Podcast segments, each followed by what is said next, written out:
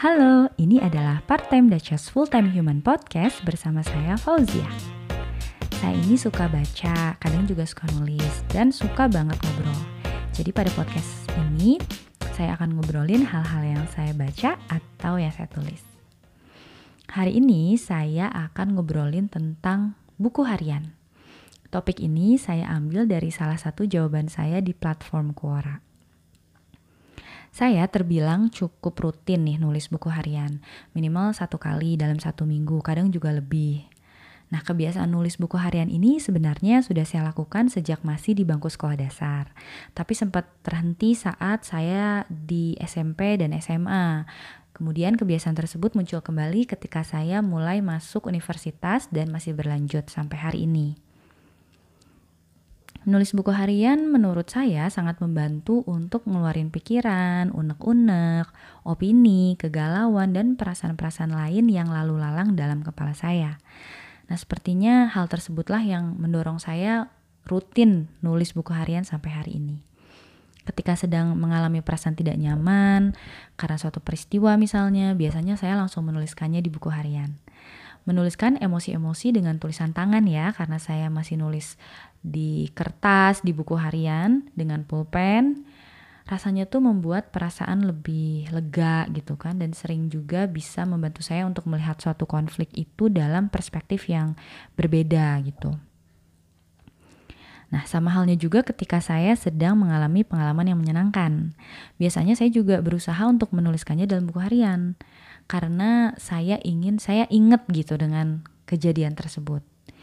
Ingin hal tersebut menjadi pengingat di kemudian hari bahwa hidup saya ini nggak hanya diwarnai dengan hal-hal yang sedih tapi juga yang menggembirakan gitu kan. And I don't want to take those beautiful things for granted. Nah saya ada salah satu quote dari PD Baik yang saya suka banget tentang menulis. PD Baik bilang gini menulis itu bukan untuk terkenal. Menulis itu oleh karena kita tahu bahwa waktu akan membuat kita lupa, tetapi yang kita tulis akan membuat kita ingat. Nah, itu yang saya rasakan ketika saya membaca tulisan-tulisan saya di buku harian yang sudah lama gitu kan. Saya jadi ingat, oh saya pernah yang ngalamin hal ini, pernah bisa melewati hal ini.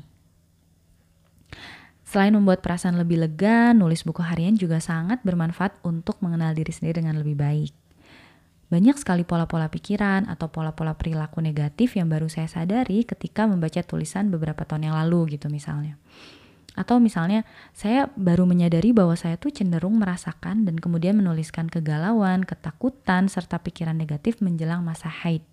Nah itu adalah suatu hal yang baru saya sadari karena saya membaca tulisan saya di buku harian gitu. Saya jadi bisa menangkap polanya. Kesadaran akan pola-pola tersebut itu menolong saya untuk menyikapi perasaan tidak nyaman atau situasi negatif sama yang berulang, yang cenderung berulang setiap bulan gitu dengan pendekatan yang berbeda. Nah, jadi ada beberapa manfaat nih sebetulnya yang bisa kita dapatkan ketika kita menulis buku harian.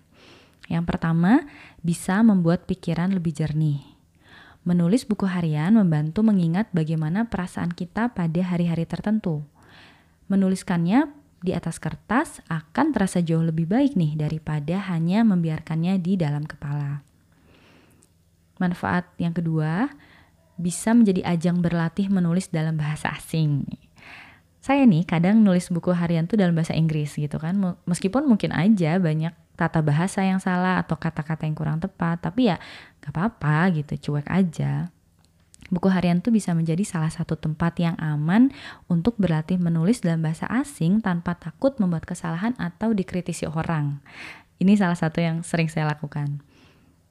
Manfaat yang ketiga, bisa menjadi teman yang baik. Ternyata buku harian itu berpotensi menjadi seorang terapis dan teman yang baik untuk mendengarkan kita tanpa menghakimi atau menyela tentunya ya kita dapat menuliskan hal-hal yang tidak berani kita ungkapkan secara verbal kepada orang lain. Menuliskan hal-hal tersebut dapat menghilangkan emosi negatif serta membantu kita lebih memahami perasaan tersebut. Menulis buku harian oleh karena itu merupakan sarana penting untuk mengekspresikan diri memiliki tempat untuk menuliskan pikiran, perasaan, kenangan, kesan pribadi tentang kehidupan, bisa menjadi media penyembuhan atau healing, dan sebagai ajang untuk mengenal diri sendiri dengan lebih baik. Manfaat selanjutnya, membantu otak mengatasi perasaan emosional. Nah, perlu diingat bahwa tubuh kita ini tidak hanya melulu soal fisik loh, tapi juga ada tentang mental ya. Saat mengalami luka fisik, biasanya kita akan cepat tanggap ya untuk menyembuhkannya. Misalnya pakai P3K gitu kan, misalnya jatuh, terus ada luka, kita langsung beri obat merah. Nah, gimana dengan luka batin? Menulis tentang perasaan itu salah satu upaya kita untuk mengobati luka batin ya karena dapat membantu otak mengatasi gangguan emosional dan membuat kita merasa lebih bahagia dengan menulis buku harian gitu. Sebuah penelitian juga menunjukkan bahwa mencurahkan perasaan dalam bentuk tulisan mampu mengurangi aktivitas di bagian otak yang disebut amigdala yang bertanggung jawab untuk mengendalikan intensitas emosi kita. Saya sendiri sudah merasakan banyak manfaat sih dari menulis buku harian dan ingin menjadikan kegiatan tersebut sebagai bagian dari rutinitas gitu kan, keseharian. Membaca ulang tulisan dalam buku harian beberapa tahun yang lalu juga merupakan salah satu aktivitas favorit saya gitu. Rasanya tuh kayak berbincang dengan diri saya di masa lalu.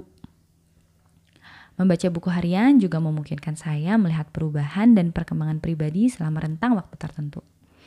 Kadang saya sampai menangis gitu kan atau terharu ketika membaca tentang masa-masa sulit yang pernah saya lalui gitu kan. Wah, ternyata saya bisa gitu dan berhasil bertahan. Gimana teman-teman juga ada yang suka nulis buku harian? Nah itu dia obrolan saya hari ini tentang buku harian. Terima kasih yang sudah mendengarkan dan semoga bermanfaat.